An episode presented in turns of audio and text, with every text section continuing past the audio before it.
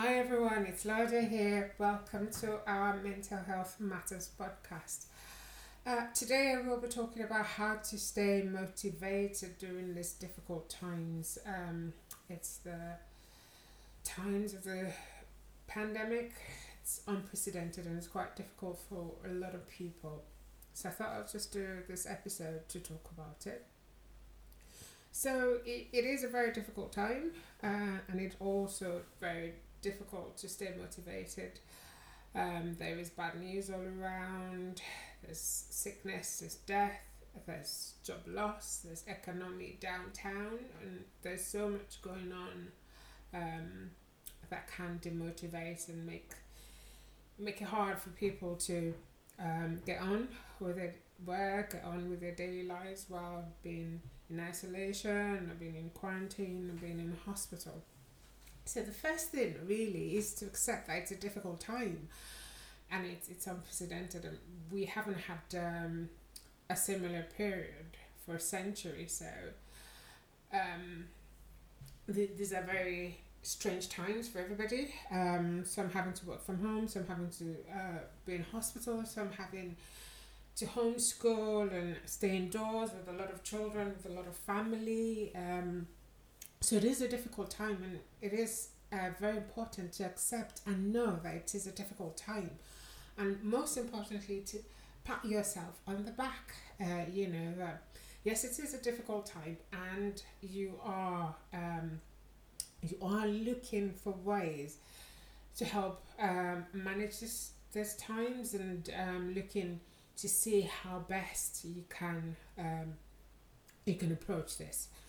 So, secondly, take things one day at a time and each challenge as it comes. Um, with, with, with such a, a, difficult environment, the temptation is to just think, you know, feel swamped by everything that's going on around. There's this going on, there's bad news. Oh, this country is having a difficult time with the economy. There's so many hungry people out there. they're homeless people. This person has gone into hospital. This number have died today. So it, it is very, very easy to get swamped by um, everything that's going on around. So always take things one day at a time and take each challenge as it comes because motivation is internal. Um, we, we can't get motivated from things out there. It has to come from us. It has to come from within. It has to come um, as an individual thing and also stop worrying about what could happen tomorrow or what would happen tomorrow or the day after or in five days. Because it's it's very easy um, to get carried away about thinking ahead and thinking oh this this news this bad news would lead to this uh, would lead to a recession was going to happen to this was going to happen to that? And um, so it is very easy to fall into that trap of worrying about what would happen tomorrow. So, the best way to handle this is to focus on what you can control during those coming days.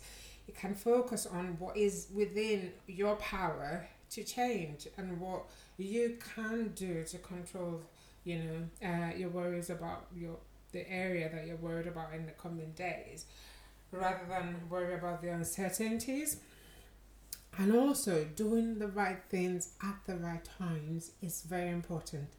It's usually worse to have to be demotivated, but also feel guilty about the things that you should have done that you haven't done. So, there is a lot going on around, there's a lot going um, around in the countries, in the world, in families, but there are things that you can do yourself that you should do at the right time in the last episode when I talked about um, maintaining um, a good mental health well-being during these times, I talked about having a routine, which is absolutely really important and um, doing the right things at the right time helps you keep motivated, helps give you energy, and the routine also helps to structure your day such that you you know you face each day as it comes and you have things you're already in line to do um so do the right things at the right time and that helps to take care of the guilt of not having uh, done them adding to feeling demotivated A very big one is always thinking about what I call your whys. So these are the reasons um, we do things in general. So for some people, they have um, the, the the the whys will be their families. Um, you know, wanting to be able to care for their family, uh, provide for their family, or you know, um, wanting a good career and um, wanting uh, to hit a certain uh, threshold or hit a certain um, milestone in the career. So for the whys, you have the big ones and then you have the small ones. So the big ones, I would say, are the reason you get up in the morning every day. Why do you get up in the morning? What spurs you on to get up and get out of bed and want to get things done?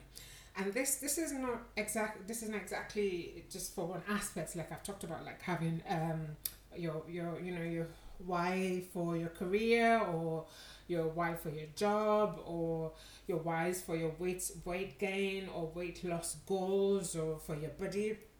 But this is in general the big one, um, which is what spurs us on on uh, every day of our lives. So thinking on those things and uh, having them at the back of the of, of your mind helps you.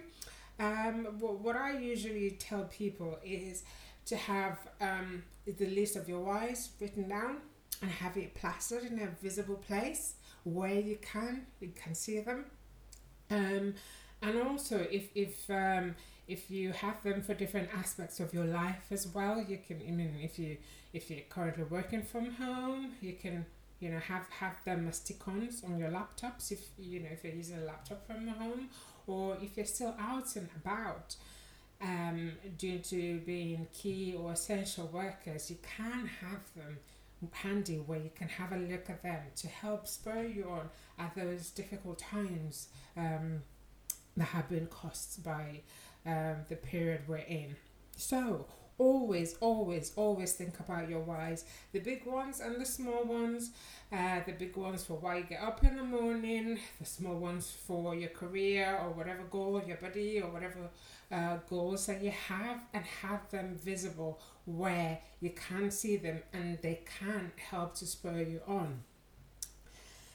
One other thing is to build up your resilience. Now, with the resilience, we all have different levels and we all have uh, different ways that we can use to build up our resilience. We all have different ways that we uh, um, use to get ourselves back on uh, and be able to withstand things. So, for building up your resilience, it, this is the good time to use the support around you. We all have support systems. Every one of us has support systems. We have friends, we have families, we have colleagues, we have work support, we have things we do that help to build our resilience. So this is not the time to shy away from accessing them.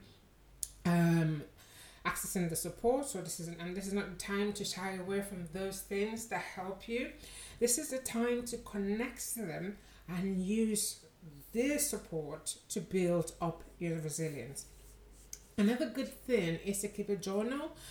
Keeping a journal helps you to put your thoughts, uh, helps you to write up what you're worried about, helps you to, um, you know, get things out there. If, if, if you know you you're finding it difficult to articulate exactly what it is that yeah, you know you're finding difficult to get motivated on and what is causing them. So if you get a pen and try to keep up keep up. Uh, uh, with a journal, it, it helps um, to get the, the, the main uh, difficulties out there, the main challenges that you're having with being motivated. So, also feed your mind with good news. As I said at the start, it's a very difficult time. There's so much bad news going on around, but you can deliberately go out and look for good news. There as as much as there's bad news everywhere, there's uh, good things going on around as well. You see quite a lot of people putting in so much effort, so much support, so much care into others, And these are things that would help to lift you as well when you see others going out of their way to help other people, when you see others uh, offering support and when you see others um, you know recording what they have come through and what they have survived and what they're trying to do to encourage other people. So there is good news out there. Look out for the good news. Rather than feed your mind with the bad news as all around look out for the good news and feed your mind with with those also, look for inspiring things that are specific to you and do them.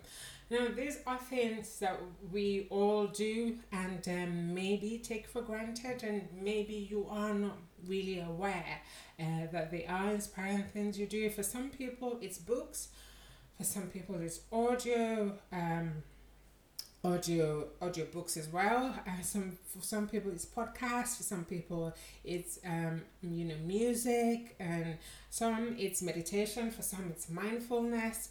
So we all have those little perks and those little things we do that are specific to us that help to inspire us.